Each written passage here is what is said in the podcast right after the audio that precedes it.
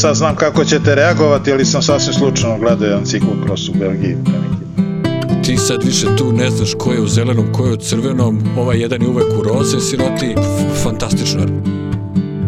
Svi su agresivni zbog ove sezone kako je luda i nekako svi su ti sprinteri bili kažnjeni.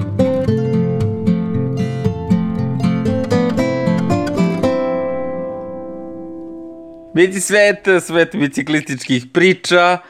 1. oktobar bio pre mesec dana, a 1. novembar danas snimamo epizodu, verovali ili ne, etapa na Vuelti broj 12 je završena, Angliru surovi ubica i opet preslačenje. Ko bi rekao da će 1. novembra biti trkanje, prošle godine nikom ni na kraj pameti, ali da krenemo da analiziramo ovu Vueltu u ovu prethodnu nedelju Vuelte, druga nedelja trkanja u Španiji i stigli smo do etape 7.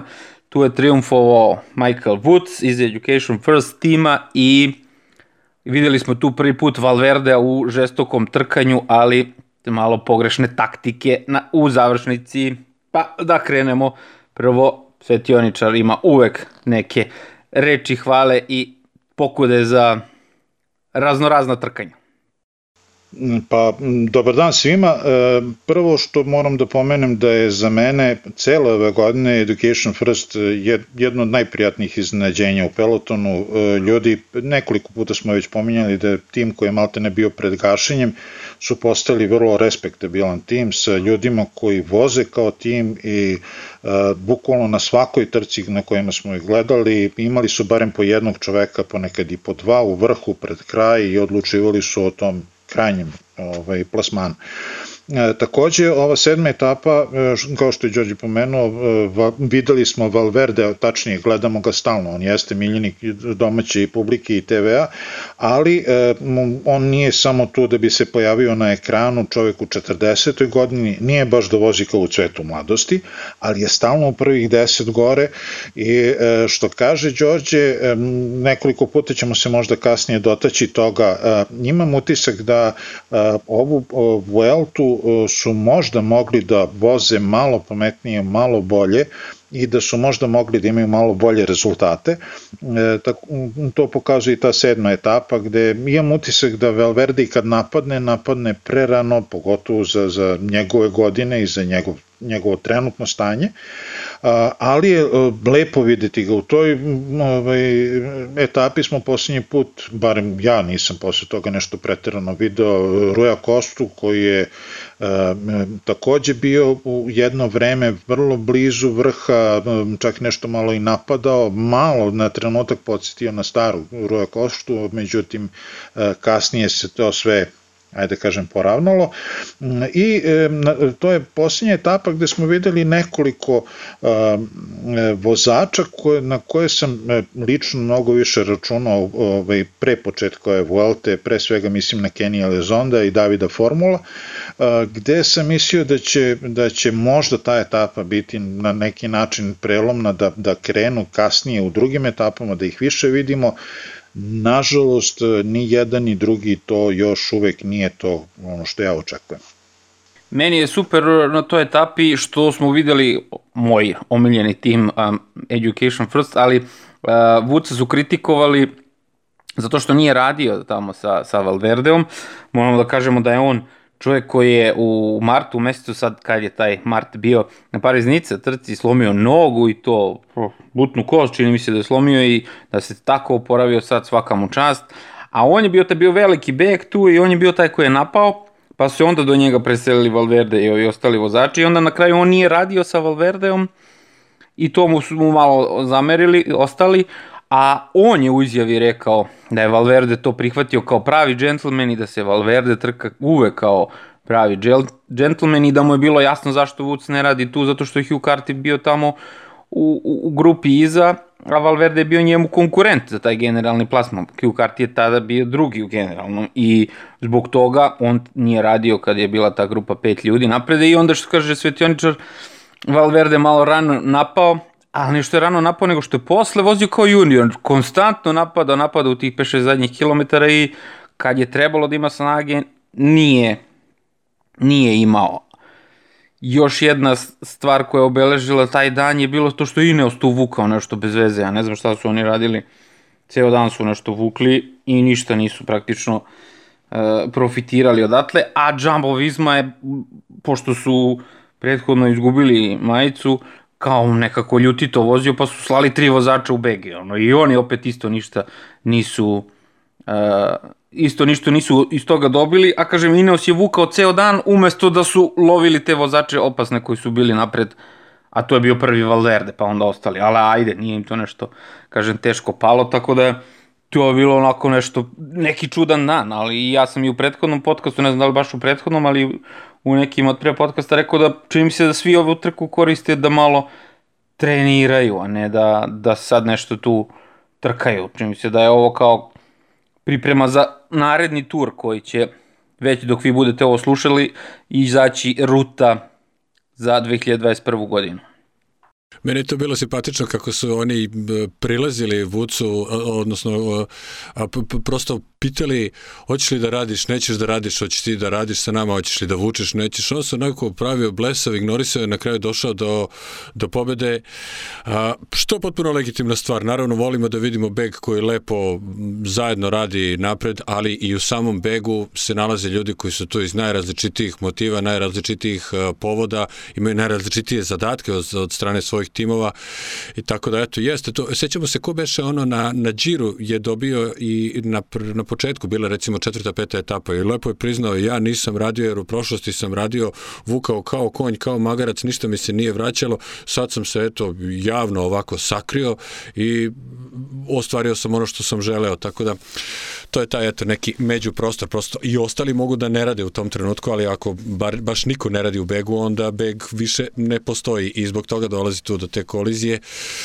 i naravno ništa što nećemo još videti hiljadu puta u biciklizmu. To je bio iz, isto iz Education Firsta, ovaj mali Guerrero, Ruben Guerrero kad je došao sa ovim iz, iz, iz Ineosa, ali oni ljudi kao, pred, kao da su izvukli pouku svi iz prethodnih godina. E, mi smo u prethodnih godina, ono kad smo bili pred gašenjem, vukli, vukli i nikad ništa nismo osvojili. I vidi sad, sad smo malo pametniji, ono, sad nas baš briga.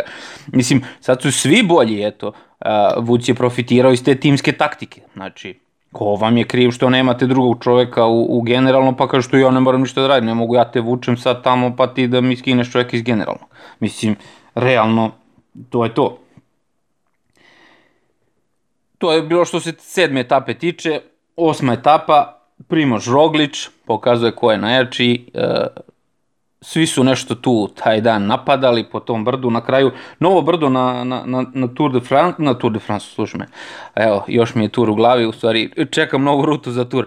Novo brdo na Vuelti, ne nešto spektakularno visoko, ali izuzetno, izuzetno super trkanje tog dana bilo i e, svi su se tu nešto bili okuražili tog dana na toj osmoj etapi i napadali Rogliča i napadali, e, mislili su da je on slab, pošto izgubio na etapi broj 6 tu crvenu majicu, ali onda je on na kraju pokazao ko je najjači. I Hugh Carty je tu napadao i šta su tu skakali ovi iz Movie Stara, pa su na kraju oni otpali. I Rogla je pokazao da je najbolji u, u, u tih poslednjih kilometar. Bio je Karapa sa njim, ali kad je on ustao na tih 800 metara do cilja i kad je krenuo da sprinta, Karapaz je samo seo i ono, daj samo se dokopam linije i vraćanje praktično vremena što se Rogliča tiče. Ja jesam, još uvek sam i verovatno ću da, da skucam neki tekst na, samo posvećen toj etapi, zato što uh, evo da, da, da vas pitam sve, e, koliko puta ste se zatekli, gledamo neku brdsku etapu i sad čekaš i čekaš i čekaš i čekaš i čekaš i čekaš i čekaš i na kraju posljednjih 100 metara neko možda ustane ili ne ustane i ta etapa se završi tek onako. Znači, e, uglavnom većina brdskih etapa koje smo imali prilike da vidimo posljednjih godina jesu etape koje ili e, glavni favoriti čekaju da vide ko je slabiji od, od njihovih konkurenata, pa da eventualno možda napadnu u posljednjih 500-600 metara, eventualno ajde kilometar, e, ili se ništa od toga ne dešava ili se idu napadi jedan na jedan ili eventualno tri vozača. Ja ću evo sad da vas pitam da li znate ko je Kobe Gusens? Nar, naravno da nemate pojma, nisam ja znao, morao sam da pogledam. Ali stvarno, e, čovek je vozi za Loto Sudal.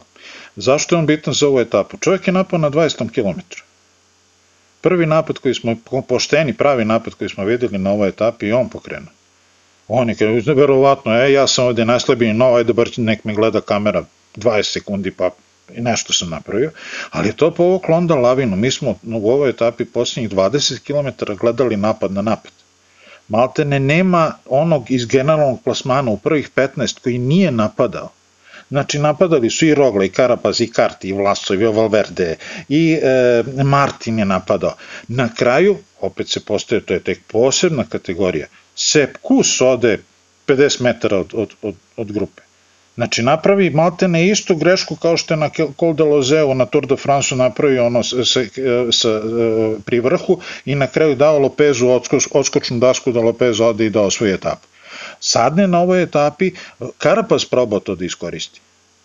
Znači, bukvalno je preselio do ove, sreća te Rogle imao snage pa ga je držao i kada je Karabas prošao, Kusa Rogla je bio uz njega i nastavio dalje i već znamo kako je završilo. Ali e, meni je ova etapa, e, e, čak i ljudi koji su najzagriženiji protivnici biciklizma, koji imaju biciklizam iz raznoraznih razloga neinteresantan za gledanje, da je svaka etapa ovolika imali bi jedno pet puta više publike, to je sigurno.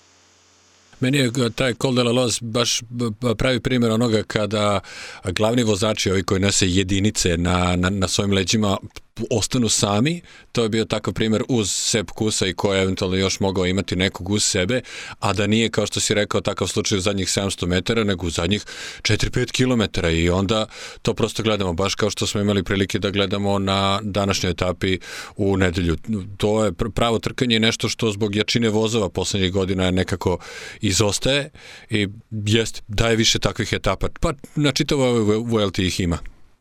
Ovo je bio Alto de Moncalvillo, novo, potpuno novo brdo, a što kaže Svetioničar, stvarno nismo davno gledali da to sad napadaju svi redom. Meni je to, kažem, ličilo da su svi nešto ukuražili, sad ćemo mi Roglića i na kraju Rogla opet pokazao ko je najjači, ali opet bilo super trkanje, ono, čovjek se čuvao, pratio svog konkurenta i pun gas zadnjih kilometar pokazao, rekao bih ko je gazda. To je drugi triumf za njega na, bio tada na ovoj, a, ovoj Vuelti, a kad reče Svetioničar sad tamo ovo nekog dečka, Gde ga izvadi, brate?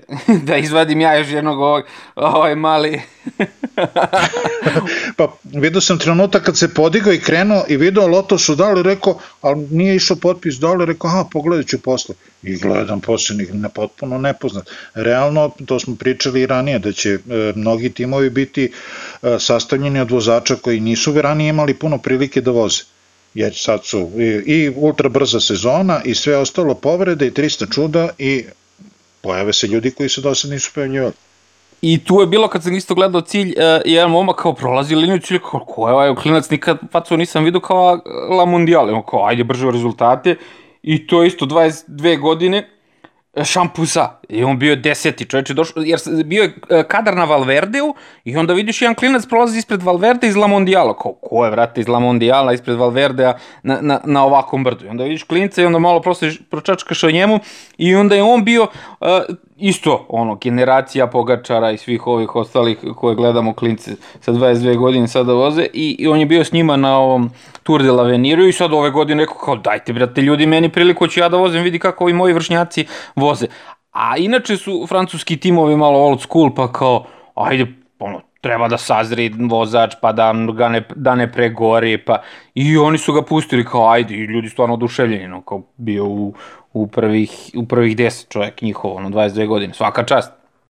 Kao što vidimo kolike promene e, se dešavaju u timu Ineos time što nema Geranta Tomasa i što je evo Frum preuzeo i danas odradio, to moramo da pomenemo milion puta, junački jednu, jednu dobru turu da vuče za Karapaza, e, tako ćemo verovatno videti u nekim drugim timovima gde velikani odlaze, pomenuo si taj Aže Duar, e, e, Barde odlazi, u Sunweb e, otvara se veliki prostor za brdo tih nekih klinaca koje nikad ne vidimo jer su bukvalno kad dođu na velike trke, oni u službi jedne zvezde. Tako da nije svako zlo za zlo i to što je nekome karijera pri kraju ili što odlazi u drugi tim ne mora da bude razlog za ne znam kakvu brigu, nego naprotiv dajte da vidimo nove klince šta znaju šta mogu. To sam upravo htio da kažem, smena generacija je tu i vidjet ćemo da će ostali sigurno raditi za svoje lidere, za svoje mlade lidere, da naglasimo, mlade lidere, ono šta, šta baš bukvalno je to. E, prvo za Pogačara, pa za onda, onda za sve ostale pogijeve vršnjake.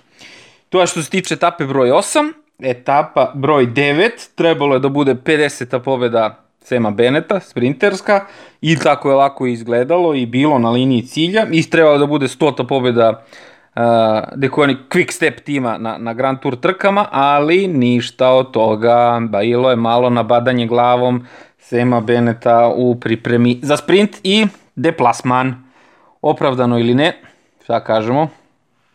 Za mene potpuno opravdano, ja bi bio uveo još strožije mere što se, to, što se tiče takvih nekih pokreta, podstupaka, na kraju kraja pun je internet raznoraznih videoklipova gde vidite kako ovaj, sprinteri u, u finišu u poslednjih 200 metara počinju da jedan drugog udaraju glavom, ramenom, ko iz besa, ko iz pokušaja da dobije bolju poziciju, da se progura ovamo onamo, ali e, e, meni je non stop u glavi taj, ta, ta nesreća koja se desila na trci oko Poljske e, i e, da bi se te stvari izbekle, neke, neke stvari se moraju apsolutno ukinuti, pa i ovo.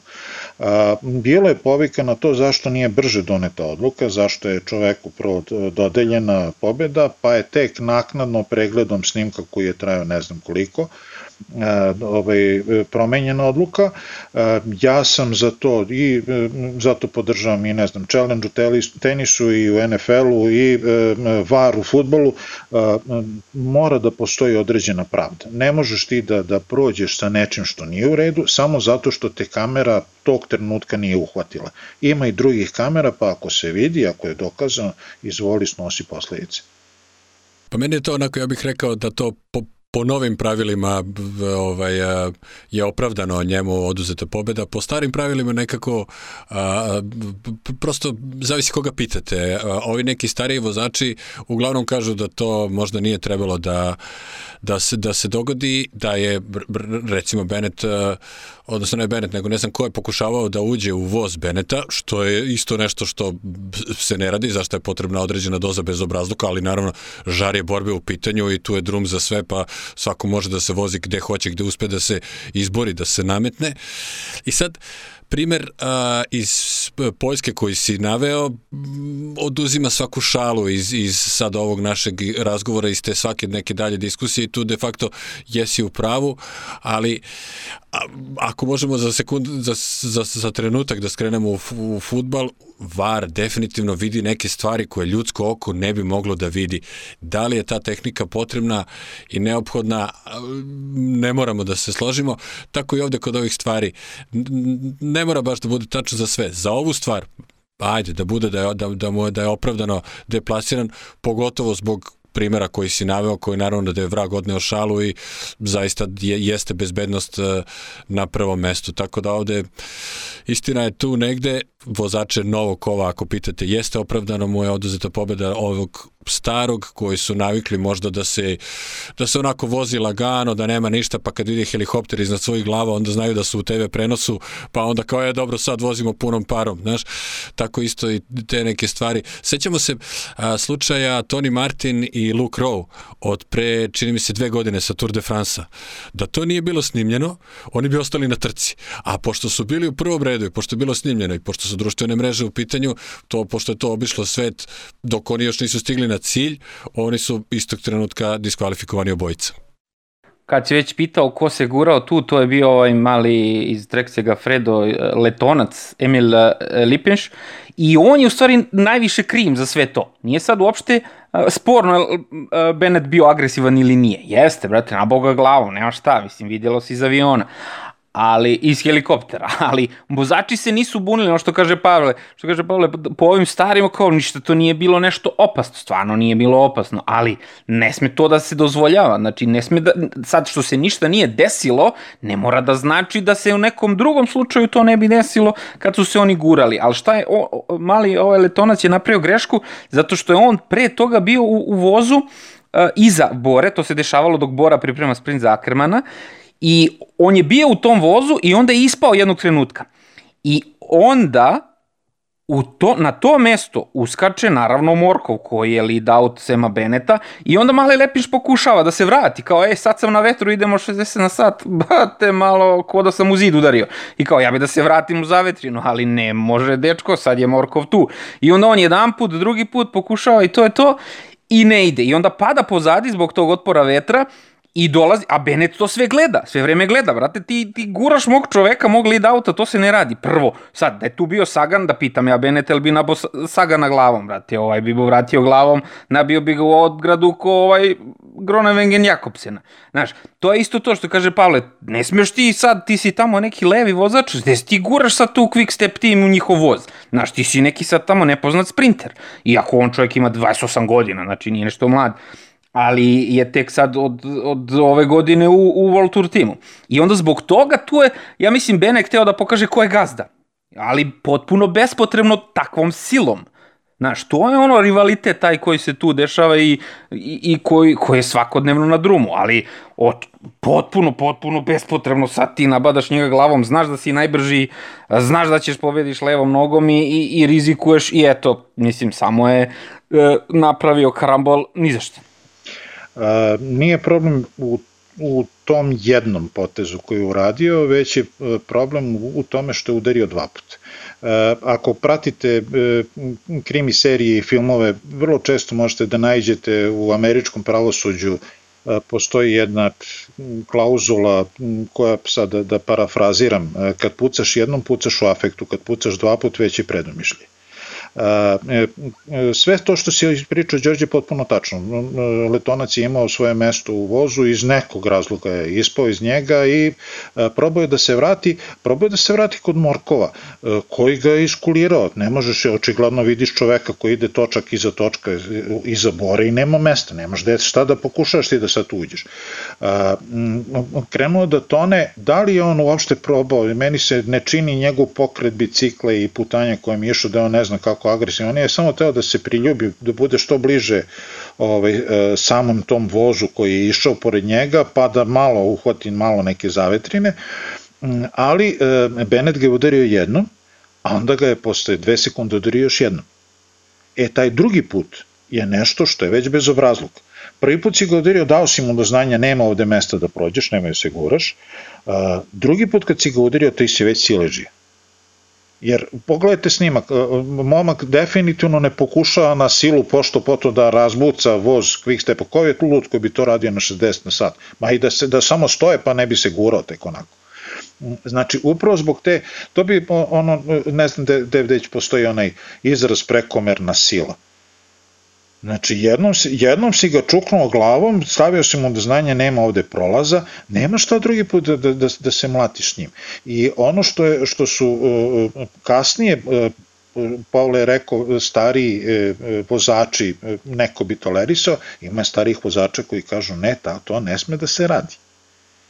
Znači, ok, je, uvijek ima guranje, uvijek ima remplovanje, uvijek ima laktova, to je nekako normalno tim pre što sad, nažalost, vrlo često organizatori krenu pa pred sam finiš sužavaju stazu još više nego što treba, imao sam prilike da ne mogu se setim na kojoj trci, gde su četiri trake automobilske sveli na traku i po, samo da bi bila veća atrakcija, ne bi li se skrljao neko.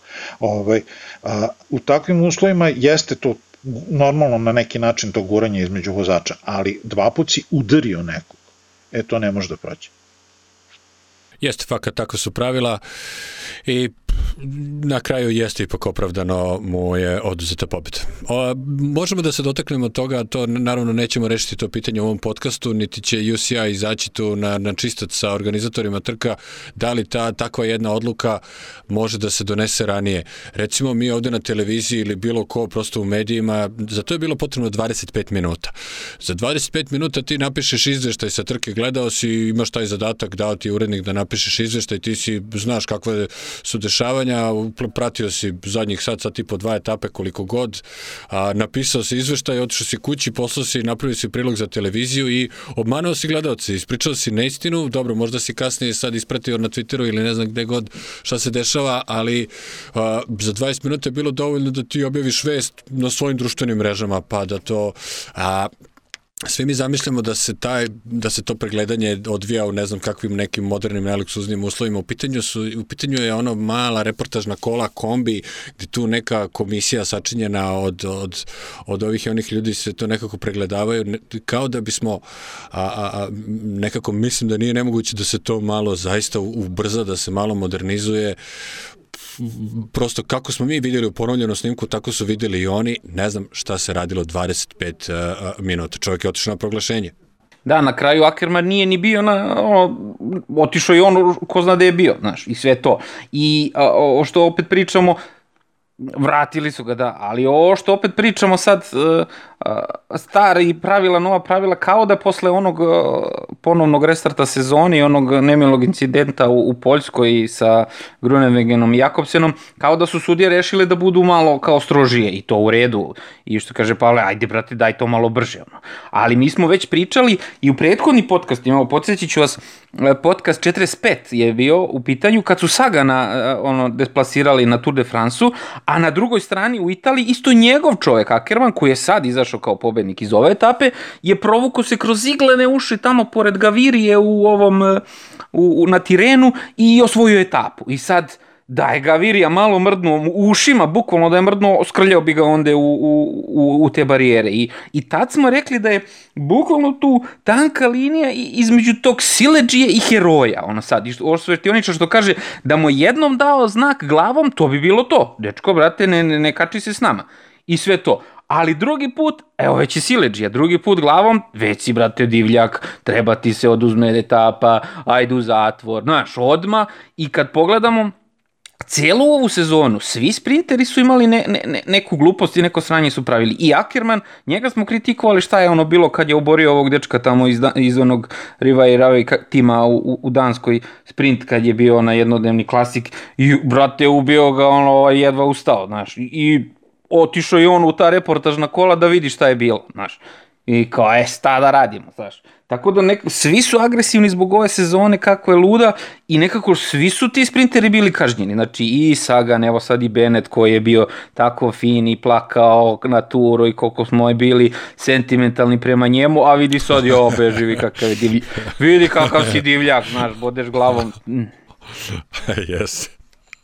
Savremeno novinarstvo, evo pokazujem znake navoda u vazduhu, samo da znate da govorim ironično, e, vrlo često e, za sekund od heroja napravi ne znam šta, e, to se desilo i Saganu one godine kada je bio incident sa, Cavendishom, sad, se, sad su odmah se pojavili natpisi da li je Bennett drago lice u sprintu ili je Sileđija, pominjali su se još neke imena kroz istoriju, ali jedna od stvari koju nažalost morat će isto da se rešava, to je uh, briga mene kao uci i kao organizatora trke što ti imaš zadatak da 20 minuta obaviš vest na, svoj, na svojim društvenim mrežama. Ja radim svoj posao. Kad završim i kad izam zvanično saopštenje, to treba, ti, ti to objavi. Pre toga šta će da pišeš, apsolutno me ne zanima.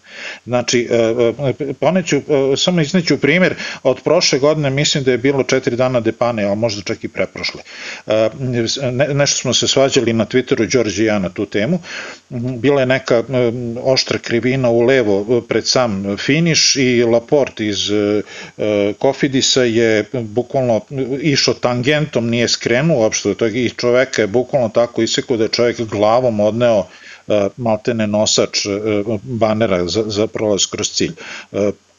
Sa kakvim sve povredama onaj čovjek prošao ne mogu ni da zamislim, ali pola sata nije bilo zvaničnog saopštenja da li je, ko je pobednik trke pola sata su gledali, dobro, tu za razliku od ove situacije desilo se na liniji cilja, svi su videli da se nešto desilo i moralo je da se pregleda, da se vidi da na kraju su na moju žalost donali odluku da Laport nije kriv što se mene tiče popio bi dve godine suspenzije ali dobro.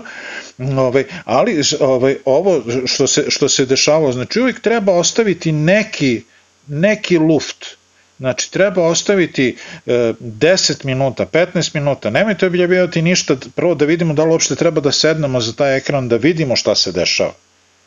Znači, tu opet se vraćamo na to da i UCI i organizatori imaju de, ovaj, određeni deo odgovornosti za tako neke konfuzije koje se pojavljuju, ali tu sad, to je do njih, tu mi ne možemo ništa ali što se, mi moramo da izveštavamo, mislim, oni, oni naš leba jedu čoveče, oni bez nas ne postoje, mi moramo tu da, da pronosimo vesti o njihovom postojanju, o dešavanjima, o svemu. Ajde, leba, ti kaži mi ko će u ponedeljak da pobedi, stavim para u kladionicu, ti odmah napiši sad budi prvi na svetu ko je objavio vest, ko je pobedio. Ne, pa, ja mislim, objavim kad vidim ko je prošao liniju cilja i ko je došao na podijum. Ko, bilo, bilo proglašenje tačka, šta sad ja da radim, proglašen čovjek, pa sad treba čekam tri sata da objavim vest dok se oni smisle.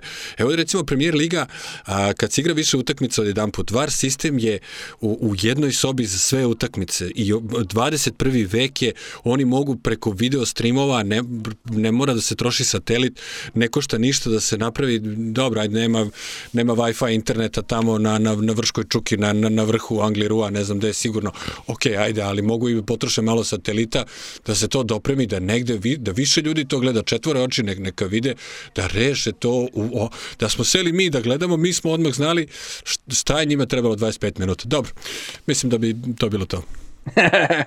Ajmo dalje. Eto jedne dobre stvari zašto smo fizički razdvojeni, tako da hvatanje za gušu nije isključeno ovaj put. Ajmo na etapu broj 10. Primož Roglić, opet, Rogla, opet jedan jedini. Jedna, opet jedna... Treći ovaj, triumf e, za Roglu. Opet jedna etapa koja je dovela puno kontroverzi. Izvini. Mislio sam da, da mašaš prema meni. mašem što ne mašem, te volim ili... Mašem što te volim ili što hoću da te udavim što me prekidaš, pa pogodi. pa ne maši rukama, mislio samo si najavio, pustaš mene da pričam, pa krećem pričam. Ma, hoću ja da hvalim Roglu, brate, prvi, šta sad?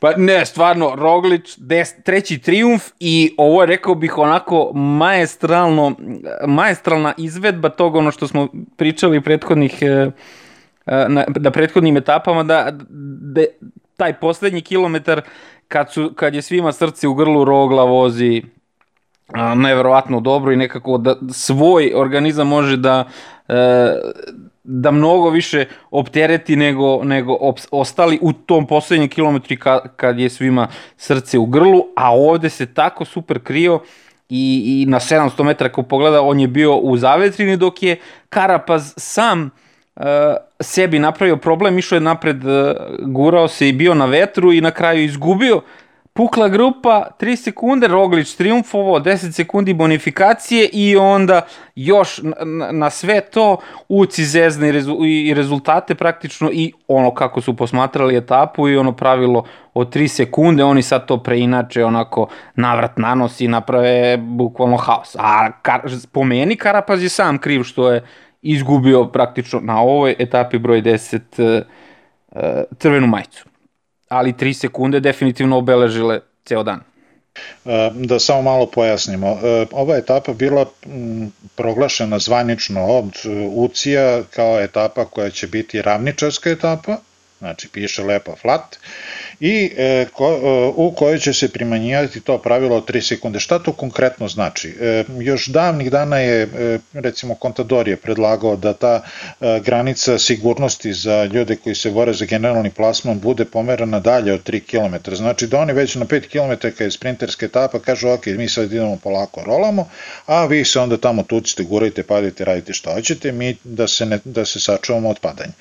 To nije promenjeno, ali uvedeno pred nekoliko godina ta, ovaj, to pravilo 3 sekunde, što znači ako dođe 10 grupa ovaj, vozača na cilj na sprinterskoj etapi i između svake od tih grupa ima manje od 3 sekunde razmaka, svi dobijaju isto vreme. I zbog toga su mnogi, mnogi timovi, pre svega Education First i Ineos, držali se povučeno, držali se ovaj, po strani, pozadi, računajući, aha, ispred nas niko nije, nije puko, niko nije ovaj, napravio ovaj, procep neki i mi se zna, ovih, ovih ispred nas držimo na sekund, dva razmaka, taman imamo dovoljno lufta, ne da je Bože ako se desi pad da to izbegnemo. Ono što se desilo nakon etape je po mom ličnom mišljenju, a verujem po većini i na kraju krajeva čitam komentare, znači nema veze ni sa timovima, ni sa vozačima, je nedopustivo. Može da budeš bog otac ako si postavio etapu, ako si postavio trku sa nekim pravilom, onda to mora da se ispoštuje od početka do kraja. Ne možeš na kraju etape da menjaš pravilo. Pa ne, oni kad su videli da je Rogla pobedio, oni su rekli, u, pa ovo nema šanse da je sprinterska etapa, on ne može da dobije sprintersku etapu. O, pazi, e, ono što je karakteristično za ovu Vueltu, evo ovaj, sad je Rogla, danas je bio Dan Martin u zelenoj majici, sad je Rogla u, Den, u zelenoj majici. Šta, u, koga gledamo u zelenoj majici? Gledamo sprintere, eventualno Sagana. O, u ovoj Vuelti sprinteri ne da nisu videli zelenu majicu, možda su videli su je na reklami. Pa kad su oduzete prve tri etape? U ovoj Vuelti je non stop su u zelenoj majici brdaši. Na kraju krajeva ta etapa, deseta, pogledajte, ona izgleda kao ona fina testerica za, za opšte tehničko obrazovanje u školi. Znači, bukvalno je gore, dole, gore, dole, gore, dole. Nisu to veliki, ni, ni, ni, nisu ni kategorizovani usponi ali ona non stop talasa gore dole, tako da su mnogi koji su, među sprinterima koji su jaki e, u brdima, kad treba, otpadali na 20-30 km. Benet je crko, nije, oni mislim, ko zna, ne, ne mogu sad da ne kopam po rezultatima koji je stigao po redu.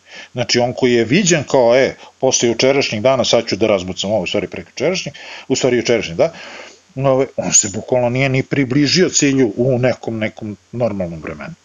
A to jeste, to ima dobar fazon, to su recimo italijani radili, pogotovo u starim vremenima kad nije bilo GPS-a, kad nije bilo moderne tehnologije, neka brda prosto neće da kategorizuju, malo to tako sakriju i onda to bude iznarađenje za same vozače i za same ekipe koji prosto nisu računali na to nešto. Ovim kažu, to vam je sprinterska etapa, to, će, to ćete lako da prođete, međutim, ni slučajno. Ovo je pravi primer toga. Ja samo da jednu rečenicu uh, koja se moram da da upotpunim svoj buket uh, neverovatnih uh, odluka Bore u, u, ovog ove sezone cele. Ove samo za sekund da se vratim na osam, nemoj se hvataš za glavu, neću dugo. Za ono osmoj etapi jeste videli Akerman koji ulazi među prvima na poslednje brdo.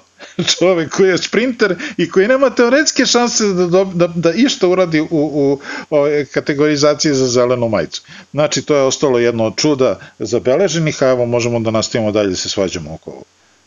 Ja kad vidim Boru, ja gasim televizor sad, ne? imaš senzor ugrađen na ružno zelenu, radioaktivno zelenu boju dresa. Ove, i, i greota za ovog čoveka, Gro Šatnera, prvo gde su ga držali do sad. Drugo, da mu ne daju ni jednog jedinog čoveka za podršku. Znači čovjek bukvalno mogao sam da dođe ove, na Vueltu, da obuče bilo koji dres i da vozi, jer on od ostatka ekipe bukvalno nema ni šta, ništa, nula. To je za, za Ackermana a, a, pričao je David Miller, koji, tako kad vidi recimo nekog sprintera koji uspe da preživi neko brdo, kaže vozi onako, ostanemo recimo na sat tu 30 i vidim nekog sprintera kao, otko ti je ovde? Pa to, to, to nije pravda, ti nisi trenirao za ovo. Mi se čitavog života ubijamo da, da, da, da, dospemo od ovde, ti tek tako sa svojih 100 kila si se našao sad ovde sa nama, kao uošte ti ovde ne pripadaš na šta da tražiš. I naravno, kao i ovde u slučaju, naravno kad se malo ipak protegne brdo, on na kraju ipak nema tu šta da traži. Ja, ima nekom da, da javimo da ga gurne u kanal. Ono, sad sprinteri koji budu išli na brdo, odmah kanal. Brate. Ko ko Vout Van Aert, ono, kao, dečko, izaberi šta će, kao, ti si ciklokros, kanal, brate, tamo odmah. sad, zna, sad znam kako ćete reagovati, ali sam sasvim slučajno gledao jedan ciklokros u Belgiji pre neki dan. Ja ne smem da... Slučajno, jel? Slučajno. Dosadno bilo, pa sam našao negde pa sam gledao. E, dobro. Nema, stvarno nema biciklizma ovih dana, 1. novembra, ništa, šteta baš. Šteta da, da, da. baš. Dobro, to je bila etapa broj 10. Lagos de Somiedo, etapa broj 11.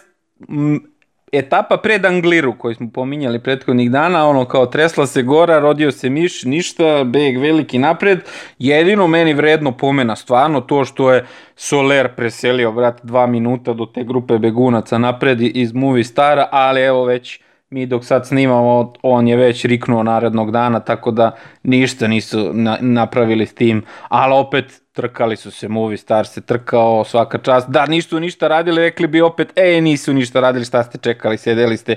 Ovako, brate, njihova trka u Španiji, stvarno su se trkali, kapa dole, sad pitanje je što su se tako trkali, on sad za malo da skine svog čoveka u generalnom plasmanu, evo Enrique Massa, ali dobro. Etapa broj 11, France Dežu, David Gadu triumfovao, svaka mu čast, naravno da je bio Soler sa njim u begu, čini mi se da bi malo bio zanimljiviji finiš ovako, čini se se znalo da će ovaj mali francuz da ga umlati na liniji, jer ovaj, brate, ubio se dok je preselio dva minuta. A, meni je od juče utisak dana možda će biti nažalost utisak, utisak cele trke taj sam početak. Znači taj incident koji se desio sa tim promenom pravila i, i, i dodeljivanje majice rogli i ovaj, svim što se desilo prethodnog dana preselio se na naredni dan i a, ako je neko sumnjao da a, je Frum potpuno totalno otpisan po svim mogućim parametrima imali smo prilike da vidimo kao kancelara u najboljim danima kao Bonen, kao Contador čovek koji ima autoritet u pelotonu. Ono što je najavljeno kao vidi Fruma u prvom redu među majicama kao, koju su mu počas dali, on se, je sam stao na to mesto i zaustavio trku.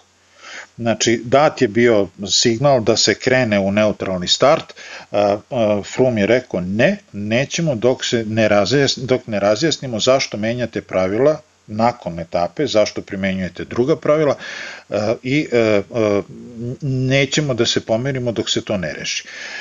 Ja verujem da i sam znao da, ne, da nije bilo šanse da se tog trenutka to reši, na kraju krajeva nije rešeno ni kasnije. Ali ono što je bilo dobro videti, bilo je dobro to što je ceo peloton stao osim jednog vozača, mislim iz Kofidisa ili Kahe Rural, mislim nije bitno, koji je otišao 15 metara napred i vratio, pa se onda vratio nazad.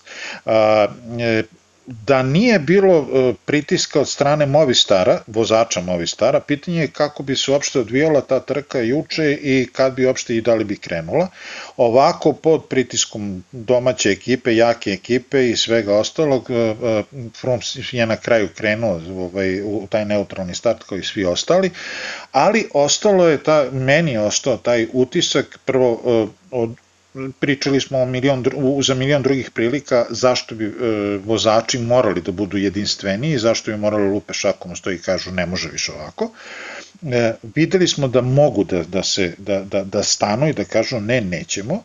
E, I e, bilo mi je drago zbog Fruma koji poprilično je prežaljen, poprilično je gurnut po tepih, e, iako, pogotovo posle prvih par etapa na, na Vuelti gde je baš vozio čak i ispod svojih trening dana. E, imali smo prilike da vidimo i danas, e, e, Froome je ime i može da obuče koji god dres naredni želi i da ne vozi uopšte, on će ostati ime u pelotonu. Upravo tako, za obe stvari si u pravu, to je obe koje sam ja primetio, prosto vozači moraju biti ujedinjeni i ono što timovi prosto i to eto i, i dozvoljavaju, više puta smo se doticali finansiranja a, a, stvari u biciklizmu, jer sve kad se svede to jeste hir ljudi koji imaju dovoljno novca da, da bacaju, da to sve investiraju, njima se to ni izbliza ne vrati, a, pogotovo kad je reč o ovim većim ovako bogatijim ekipama i nikako da krenu da se organizovano bore za to da dobiju neki udeo od eh, TV prava, od svega, pa do ovih najmanjih stvari, da prosto postoji neko telo koji će se, eh, telo kao unija vozača postoji, ali ono ne reaguje dovoljno oštro, ne reaguje na vreme, spava jednom rečju. I druga stvar za Krisa Fruma, svaka njemu čast jer e, prosto ja lično pratim njega na Twitter nalogu i one kako je tu se približavala Vuelta. E, idemo još dva dana, evo još tri dana idemo, krećemo, letimo. Oni sigurno veoma dobro znao kako je formi. On nije se povredio na prvoj etapi, to nije nestalo nije izgubio magični štapić. On je znao njemu svaka čast da je došao ovakav, da, da se isturi da bude predmet a, a, podsmevanja ovih i onih ljudi, kažem još jedan put, je do 21. vek donosi mogućnost svakom da se izjasni. Ve, svi vozači, ne mogu reći većina, svi su stali iza njega i rekli su, molim vas, ne može tako da se priča o njemu, on je veliki šampion i kao što smo to rekli, ovo jeste trening za neke naredne Grand Turove, njemu je potrebna jedna ovakva trka da se vrati, ne zaboravimo. A, a, zadnji put se malo jače trkao kad se pripremao, kad je bio na Dauphineu, a, a, zaista svaka čast za ono što je, što, što je prikazao i time što je istupio i, i, i sad danas. Ovo je bila stvarno direktna, direktna odluka koja se ticala njih i tu je pokazao stvarno autoritet, što kaže Svetioničar, kao čekaj bre, stani, ono kao ajde da vidimo o čemu se ovde radi. Ajde, mi smo tu sad izgubili par sekundi, ok, majicu smo izgubili, isto vreme imaju, ali već narednog dana, evo sad mi znamo, uh, narednog dana Karapaz je vratio majicu. Ali opet bilo je tu timova koji su više bili, bili oštećeni za još više sekundi. Tako da nikako da, da vidimo to nekog... Uh, tu neko složnost timova, a vidjeli smo i na, na Điru bilo ono kao, je sad veća polemika su razmaženi ili, ili su se sad setili da budu ujedinjeni kad ne mogu više ono, i kad je loše vreme.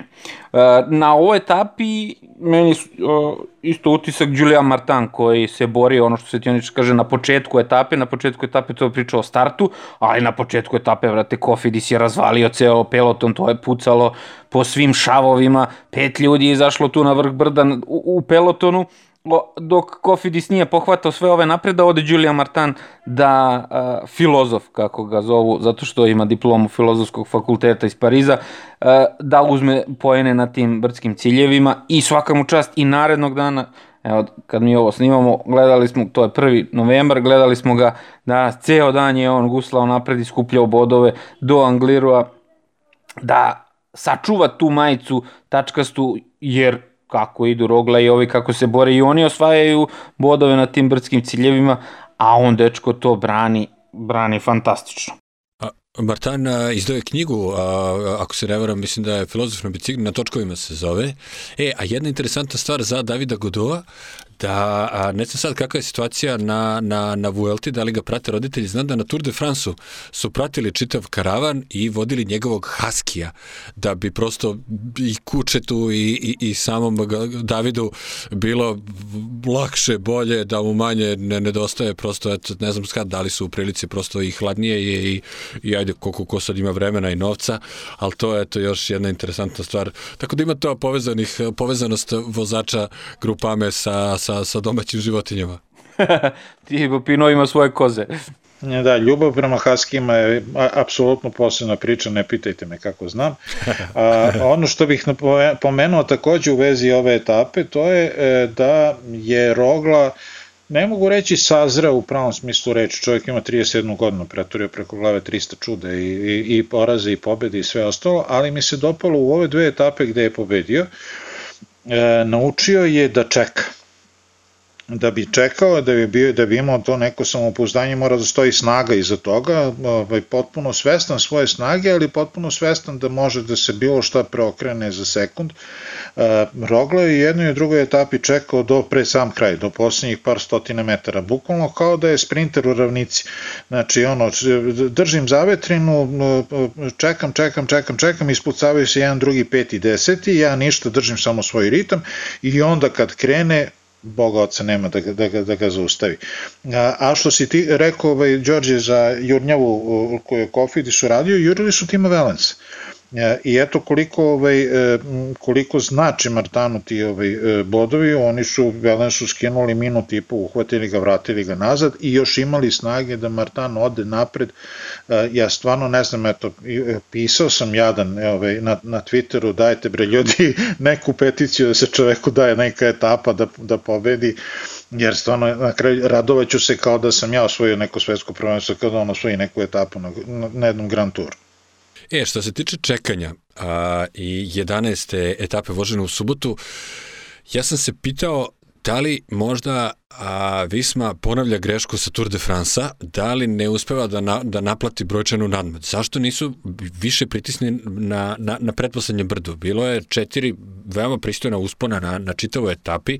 Ok, na prvom, na drugom ne možeš ništa da radiš, na trećem, već tu treba da počinješ da odšafljaš ostale, da im psihološki zadaš udarac, da oni kažu, ja bre, gde su ovi, vidi kako, gde ja, vidi kako oni vuku, kako ću ja sad da vučem još 30 km kad su oni ovde sad našafili. To je sve nešto što malo po malo utiče i prosto mislim, ok, sada sa naknadnom pameću imamo današnju etapu u nedelju, kada evo, da ne kvarimo nekom iznenađenje, jer Roglič izgubio vremena, to je možda daje odgovor da je Rogla davao znak da se možda ne ide punom parom, opet plašim se da ne prođe kao na, na, na Tour de France. Ok, izostaje izvesni Pogačar koji je potreban za jednu takvu stvar, ali nije nemoguće da se nešto drugo slično desi. Meni ovo bukvalno sad uh, zvu, izgleda kao da se oni trkaju, a da nemaju pojma kako da se trkaju. Jer na ovoj etapi Ineos, na toj etapi broj 11, Ineos pravi istu onu grešku koju uh, je na, na ovoj etapi broj 7, sam malo pre pričao, Jumbo Visma pravio. Kao sad smo mi ljuti jer smo izgubili majicu i sad ćemo mi da vučemo ceo dan. Brate, šta ti vučeš ceo dan? Ono, potpadali svi, što kaže Pavle, na, na, na pretposlednji brdo nije došao niko od njih. Znači, vi nemate majicu Jumbo Visma ima Vajcu sad na toj 11. etapi. Roglič ima isto vreme kao ovaj, Karapaz, ali ima majicu, ok, izgubili ste, ali daj vrat, ono, imate i vi svog lidera i znate da je jak taj Karapaz. I ono što kaže Pavle, evo sad smo i mi pametni pa znamo da je Karapaz presvuko Rogliča e, na toj etapi, ali šta ste vi sad vukli tu ceo dan kad nemate majicu? Isto ko što Jumbo Visma na, kad su izgubili na šestoj, na sedmoj etapi poslao tri ova klinca u Begi Kuse koja je sve tu bio napred i, i George Bennett, kao šta je brate šaljete napred, samo ono kako kažu ovi nabijate eksere u noge, znate da je Roglić dobar, znate da će narednog neki dan da uzme ovu majicu i ko, brate, držite se tog plana, a šta, šta, šta, šta se blamirate tu. Tako i na ovoj etapi broj 11, Ineo sad tu nešto vuče, onaj mučeni kamenovim vurf, ceo dan je bio tu napred, kao šta ćeš, brate, ti tu, nemaš majicu, sedi pozadi, brate, čuvaj se za, za danas ovo, i danas je opet vuko, evo, ajmo na ovu etapu broj 12, Angliru, ono što kaže Pavle, nema vozova gore više na tih 23% na Angliru, čovjek protiv čovjeka, ono, puž protiv puža, ono, ranjeni puž protiv ranjenog puža, pa ko brži, ono, bukvalno tako bilo. I Hugh Carty pobedio, moj tim, opet. meni je, meni je, kad se već pomenuli ova dva glavna tima koji se, koji pitanju stvari koliko su to dva, dva glavna tima, posle današnje etape ozbiljno razmišljamo o tome da li Hugh Carty može da uzme Vueltu što ne bi on bio taj pogačar. Ovaj, e, gledam e, prvo Ineos, e, po, poveo je ekipu koja po imenima uopšte nije loša ekipa. E, ali e, imam utisak da Karapaz ne zna da, vozi, da vodi ekipu. ekipu. E, imam utisak da Karabas na svakoj e, etapi koju smo do sad videli, neka je i ale brdovita, znači ne mora da bude klasična planinska etapa, on sprži sve svoje vozače i u poslednjih 20 km uđe sam. Nemoguće su oni sad baš toliko svi loši da mogu da vuku do 20 km da nijedan više ne preživi dalje. Znači to je bukvalno postaje evidentno, pogledajte u posljednjih 5-6 km, posljednjih 10 km svake od brzkih etapa uglavnom Karpaz ide sam i napada non stop. Znači e, divno je to što napada, divno je to što se bori, e, ali opet nešto nemam utisa da to može da donese nešto dobro jer e, kako je uzeo prošlogodišnji džir, uzeo je tako što je prvo otišao u napad koji je trebao da povuče Nibalija, on je radio za Landu. Kad Nibali nije pratio ovome se otvorilo, ćao, zdravo, otišao, nabio vreme kako treba, uzeo majicu, aj sad da branimo moju majicu i to je to. E, međutim, e, on sad prvi put ga gledamo kako u Ineosu vodi ekipu od prvog dana, Znači, gledali smo i na Tour de France, bio je zamena Bernalu, pa na kraju kad je Bernal otpao, onda je posljednjih dana napadao u onim brdskim etapama, ali evo sad gledamo kako vodi ekipu. Nisam siguran da je to dobro. Ono što je danas bilo fantastično za videti, to je da je Froome, ne znam odakle izvuko snagu kad je Amador pao, da je preselio skroz napred i nastavio da vuče za Karapaza, popriličan deo puta, ne deo gde smo uveliko očekivali da ga više nema tu, da je daleko u, u nekom grupetu pozadi. S druge strane, Jumbo Visma i dalje nisam siguran koliko toj tim uopšte zna gde je glava, gde je rep. E, znači, pomenuli smo ta dva napada Kusa, koji je čovjek po meni e, jači od Rogle. Znači, na ovim sporim, a dugim, visokim brdima nema ko šta da traži njega. On danas, samo što nije sišao s bicikla, rekao je samo presvučem čarape pa ću te vučem dalje, evo sačekat ću te. Znači, bukvalno više je počeo da vozi u rikverc koliko je, znači, divno je što je danas radio za Roglu, i što ga nije ostavio ni jednog sekunda. Ali imali smo prilike da vidimo da on dva puta izleće napred i, i bukvalno drugim vozačima čini odskočnu dasku za neke napade. Takođe, ono što je Pavle rekao, uđeš u naj, u, na najteže brdo, do pola brda voziš sa četiri jaka vozača i od toga ne napraviš ništa. Nula bodova. To je meni prosto neshvatljivo. E, jedna stvar vezano za vozove i za postave, da ne zaboravimo da je ovo treći Grand Tour u, a, da kažemo, manje od dva meseca. Tour de France je počeo praktično 1. septembra, danas je 1. novembar. Znači imamo septembar, oktobar i vozi se još 6 dana. To je sve zbrda s dola skupljeno ko je mogao kako. Imali smo Grand, ovaj, Bože, Tour de France kao glavni fokus za sve, Giro takođe, tu se sve prevrnulo na opačke, a za Vueltu ćemo da skupljamo šta ostane od kusura, od Tour de France, ko ne bude, ne znam šta, vozio svetsko, ko ne bude vozio klasiki, ko bude mogao, ko ne bude povređen, ko ne bude bio uvređen, ko ne bude bio ovakav, ne bude ovakav, Ineos ide sa ovakvim frumom, ovi su ostali bez Toma do Mulana, nekako menjaju se pravila igre, ne možemo više da računamo, to jesu ta dobro poznata imena, ali i ta imena nisu imala ono 40-50 takmičarskih dana pred Tour de France kao što imaju svake godine, nego su imali od 1. avgusta do danas pre toga jednu veliku pauzu, neizvesnost, čitav ono vi, viša sila koja čini da se otkazuju trke koje su zadnji put bile otkazane tokom drugog svetskog rata. Znači u tom smislu to je dakle potpuno nova postavka stvari i ne treba da nas čudi i možemo da prihvatimo ono pozitivno što se tu dešava, a jeste to trkanje mano a mano, jedan na jedan. Mi svakog dana vidimo da neko drugi pobeđuje, svakog dana neko drugi može da obuče majicu, igrom slučaja to se ne dešava.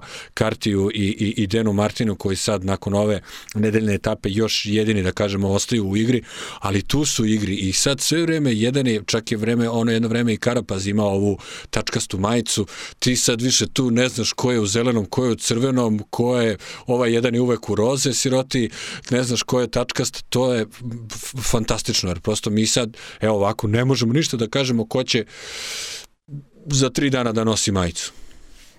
A ovo što kaže Svetioličar, uh, od Jumbo Visma ne zna se gdje je glava gdje je rep, ono, i, i mene su stvarno već počeli da ne vjeruju, pogotovo ovaj mali kus, brate, ono, kao, brate, on je trebao prvo da, on je sad trebao da ima tri ili pet pobeda na Grand Tour trkama etapa na najtežim brdima. On je jači od Rogliča svuda bio. Prvo na Col de la Loze, znači on je taj bio koji je otkinuo Rogliča, pa skočio ovaj Super Lopez, pa preselio, pa otišao i triumfovo. Onda danas isto, brate, nešto vuče, pa ovi skoče, pa vide da je... On, znači, oni bukvalno otresaju Rogliča. I onda ovi vide pa skaču i nadohnade vreme.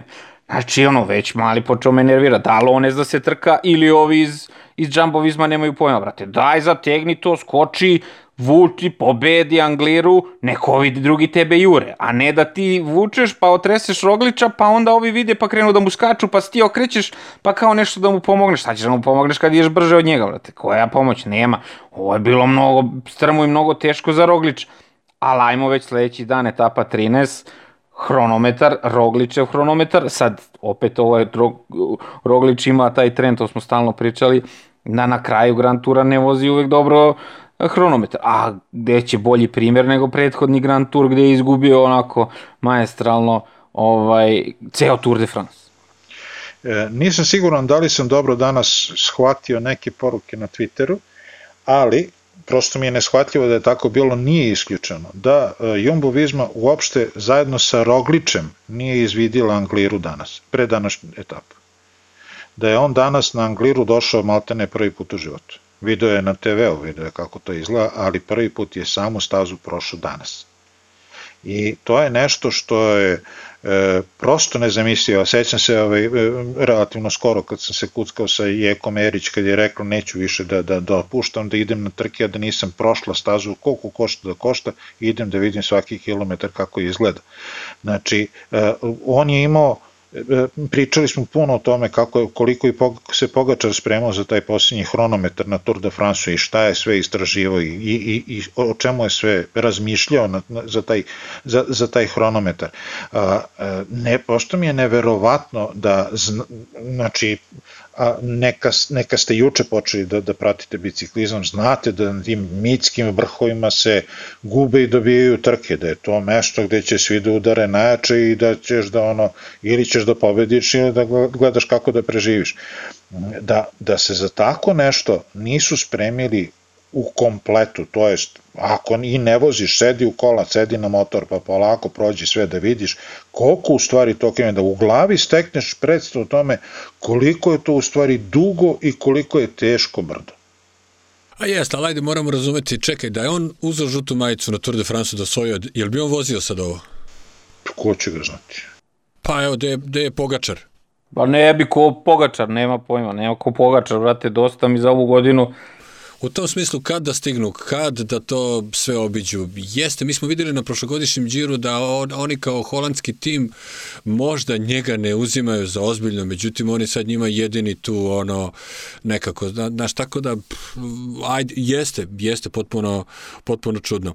Može samo još jedna fusnota za današnju etapu. Ja nekako gledao sam onog sirotog Enrika Masa koji je pokušava da vrati, on to ima malo veći zaostatak, trenutno ima a, bez malo dva minuta zaostatka, dakle prva četvorica su tu 35 sekundi, pa je sledeći on na petom mestu sa minut 50, dakle tu je već polako piši propalo za njega i on je to pokušavao da odmakne, pričali smo već kako su išli sporo kao puževi, a tu gledaš, ja sam iz fazona da, da ako je preko 20% da se onda razlika među sekundama drugačije, da se napravi neki hendikep sistem, jer on recimo ako je otišao 5-6 dužina bicikla, da, da je to po usponu 10%, to je 20 dužina bicikla, bicikla. Da se prosto, ako tu ostvari 5 sekundi prednosti, da mu se piše da ostvario bar 20, ono, jer toliko je siroti bio zapeo, zapeo i vukao i vukao i vukao, a ono, svi stanu u, u isti kadar, sve uspe kamera da ih, da, ih, da ih uhvati. On je toliko prednost ostvario, a u vremenu to je 5 sekundi, ono, to je ništa. Meni je bilo poražavajuće kad pokaže kameri, sad vidiš vrhunske svetske vozače koji voze 5 metra jedan iza drugog i ne mogu da presele, ne mogu da dođe do drugog na neke mesta. Ono je bilo, ja sam se umorio napinjući se, ajde bre, pa evo tu ti je, možeš rukom da dohvatiš, ali... Jest.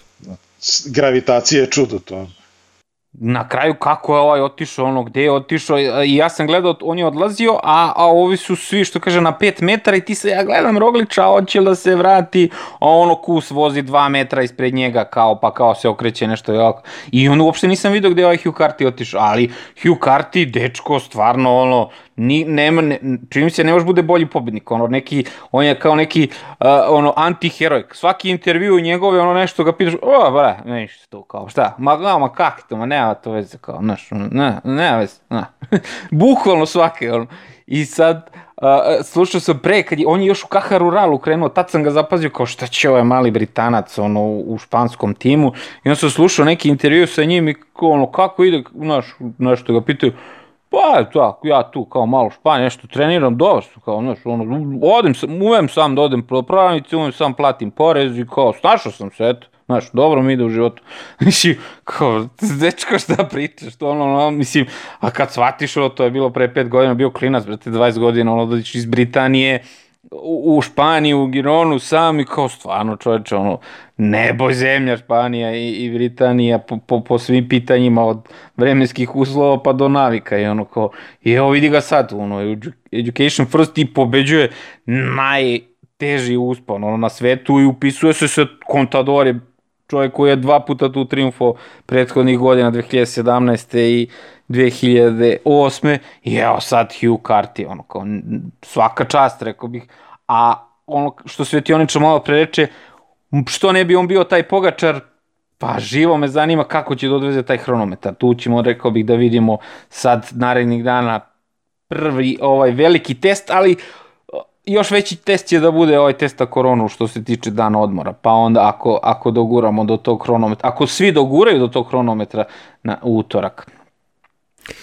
Pa dobro, na prvom danu nisu imali ni jedan pozitivan.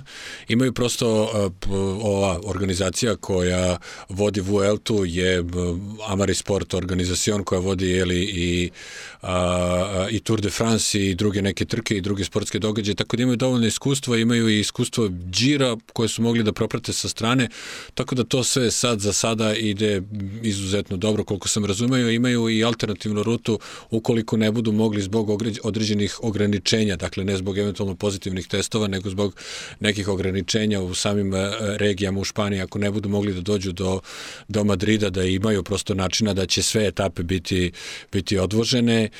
I a, a, to jeste zaista fantastično trkanje. Setit ćemo se da, da, da, da je Karti na, na prvoj etapi već ostvario za ostatak, ne neki sad ogroman, nego on je onako napao, to je ona etapa ako ćete se setiti da je Rogla čekao, čekao, čekao, pa je posle razvalio i on se na ovoj etap, na ovoj čitavoj trci najviše tu je u crvenoj majici bio do sada najviše zahvaljujući bonifikacijama i tako tim nekim kratkim napadima.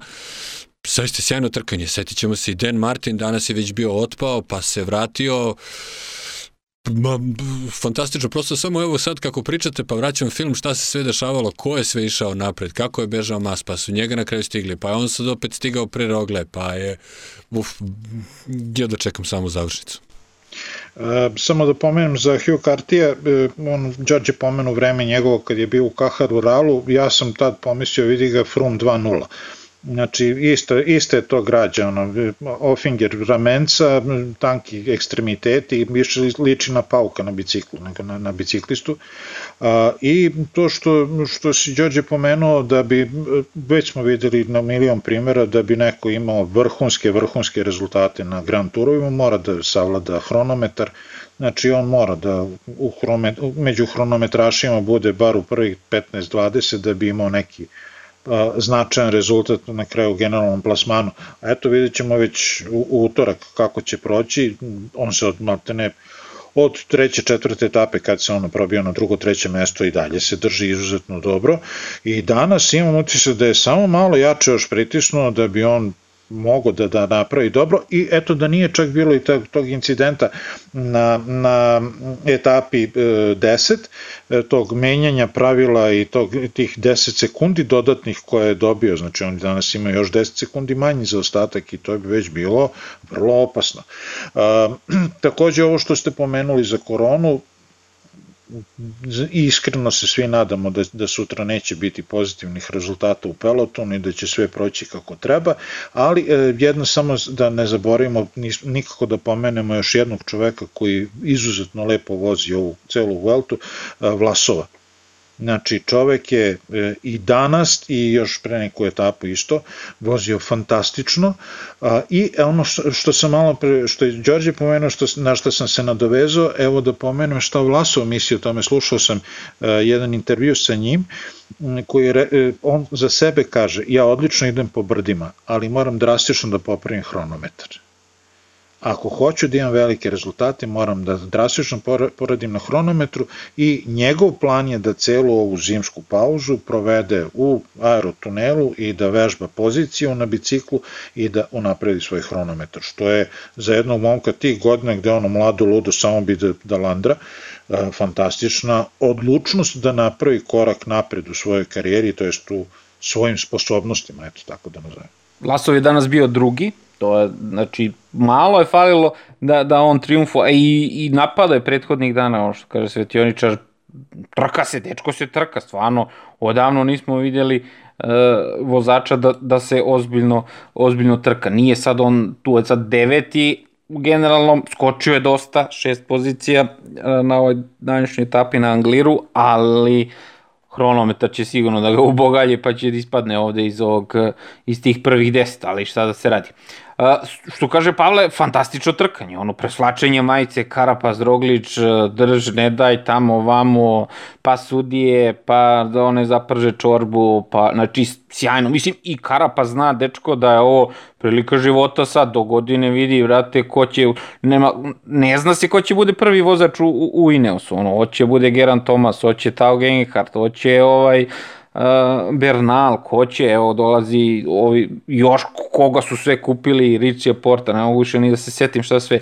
Tako da on ovo mora koristi kako zna i ume. I on, mislim, meni je bio super kadar sad na Angliru, ono ko, on tamo u šatoru, ono ko sad uzoje majicu, treba nešto se smeje, on čovjek nema snage da, da, da pomeri ni jedan mišić, ono, ono, gleda ko zombi, ono, negde u prazno, ono, to je očigledan primjer koliko je teška bila ova ova etapa na, na, na Angliru, brdo, brdo ubica. I sad, hronometar će nam reći sve. Da li je tu sad Rogla mnogo bolji sad od svih njih na hronometru ili će opet to da bude nešto tesno. Ono sad 10 sekundi zaostaje Roglič, imao je 50 prednosti na Tour de France-u pa je izgubio koliko ohoho, izgubio dva minuta, a sad nekako čini mi se sa tim što je i on umoran, videli smo sad na, na Angliru, da imaju šanse tu i Hugh Carty i Carapaz, ko zna, možda i Daniel Martin odveze tu neki hronometar života i on je na 20 sekundi iza Rogliča. Mislim, ovaj podijum nikad ne izvesni, ono, na svim, i na, pre, i na Điru i na Turu smo imali prva dva vozača da se kao bore, a treći je tu bio kao negde. A ovde imamo bukvalno ono četiri čoveka koji se bore za, za taj podijum. Ono, kaže Pavle Enrik Mas, već je tu uh, ćao zdravo otpisan ono, na toj petoj poziciji. Tako da Vuelta, ako izgura do kraja, bit će, rekao bih, opet fantastičan Grand Tour.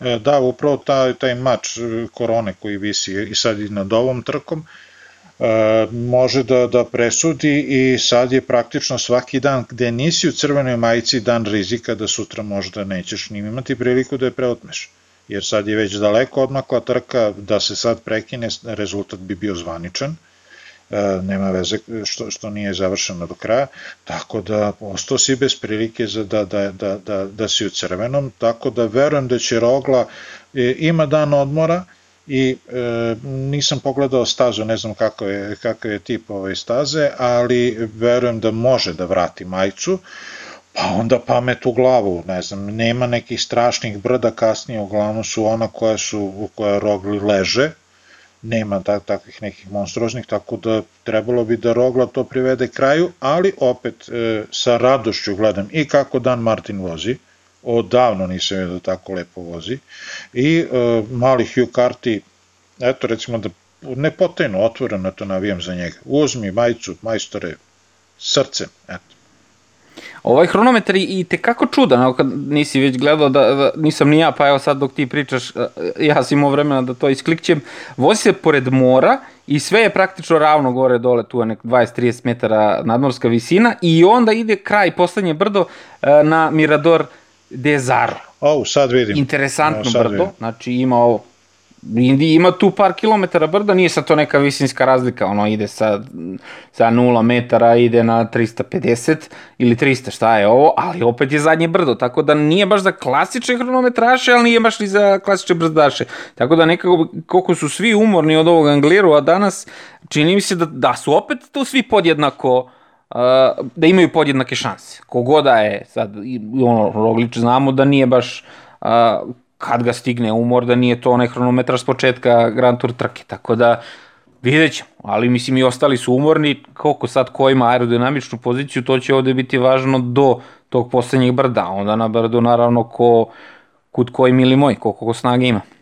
Pa znaš šta, na oba, na oba prethodna Grand Tura smo imali e, promjene bicikla na, na hronometru, mislim da ovde neće biti, ali možda će neko naći razloga za ta 2-2,5 km nekom može da znači. Znamo da klasični brdaši ima ih, eto kao što smo pričali, koji se ne snalaze na, na hronometarskom biciklu koji je potpuno, kako se kaže, drugačija zverka u odnosu na, na, na, na ovaj drumaš i, i, i teži je i teže se upravlja, sve je drugačije, drugačija je pozicija, drugačije se sedi, ljudi koji ne treniraju dovoljno za to, njima je to poprilično nezgodno i dovoljno da to bude 2,5 km da se izgubi vreme. Ja samo da primetim da e, sve zajedno, ceo Giro i ovih 12 etapa na, na Vuelti, bez obzira na kalendarski deo godine, nismo imali toliko ružno vreme koliko sam očekivao. Na Giro smo imali problem sa hronometrom gde su bili udari vetra. Ovde se vozi pored mora, udari vetra takođe mogu da budu presudni. Pogotovo jer su u pitanju vozači za generalni plasman, mislim da je Rogla malo teži od Karapaza, ali e, svi ti lakši vozači, E, bukvalno lete pod udarima vetra, pa kad je vetar pomerio Sagana iz cele, iz cele ovaj putanji kako je išao, e, te neće Karapaza ili Roglu. E, tako da može lako da se desi, eto stvarno smo imali, ne mi, vozači su imali mnogo sreće jer ih je poslužilo vreme, ali baš ih je poslužilo vreme, može da se desi da baš utorak za vreme tog hronometra, ja kažem godinu dana sam proveo u samu obalu i, i znam u ovo dobo godine kako, sam, kako na moru može da duva, tako da ne bi mi iznenadilo da to bude presudno.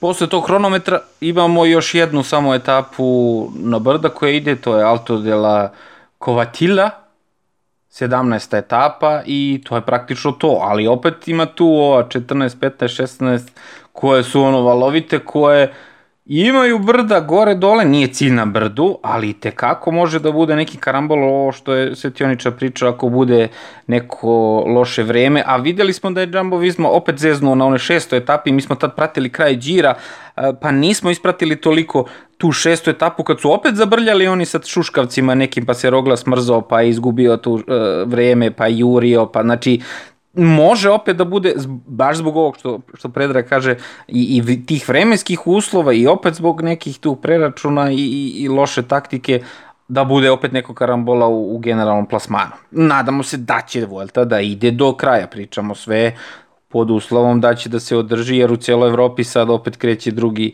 taj e, talas e, lockdowna, tako da se nadamo da će Španci da izguraju ovo što kaže Pavle, ovo vodi ASO, tako da imaju iskustva što se toga tiče ove sezone. Da privodimo kraju. Pavle, ti ti nešto kažeš? To sam hteo, što, dakle, samo na pretposlednjoj etapi, da možda ne zbuni ljude, rekao si na 17. etapi je još brdski uspon, to jeste, jeste 17. ali zapravo pretposlednja etapa, praktično da kažemo poslednja takmičarska, tako da eto, to je eto, interesantna stvar. Uh, Da, eto, nije onako poslednja nedelja ubistvena kao što je obično slučaj na, na Grand Turovima, tako da mnogo će zavisiti od tog hronometra, pa onda tu možda se dogodi neko iznenađenje na tih par etapa i onda taj brdski cilj. Ništa, to je to za ovaj podcast. Završavamo još jedan, još jednu priču po redu. U ovom podcastu smo malo duže pričali, imali smo cijelu nedelju Vuelte. Sledeći put trebalo bi da se vratimo standardnom redosledu, da snimamo na po tri etape, ali vidjet ćemo kako će se i, i Vuelta odvijeti, koliko ćemo i mi imati vremena, pošto i nas hvata i obaveze, zbog toga nismo i snimali na polovini ove druge takmičarske nedelje Vuelte. I prijatno do narednog slušanja, do narednog podcasta, naravno kliknite like, subscribe, podelite sa prijateljima, prijatno, do slušanja. Pozdrav! Zdravo, prijetno.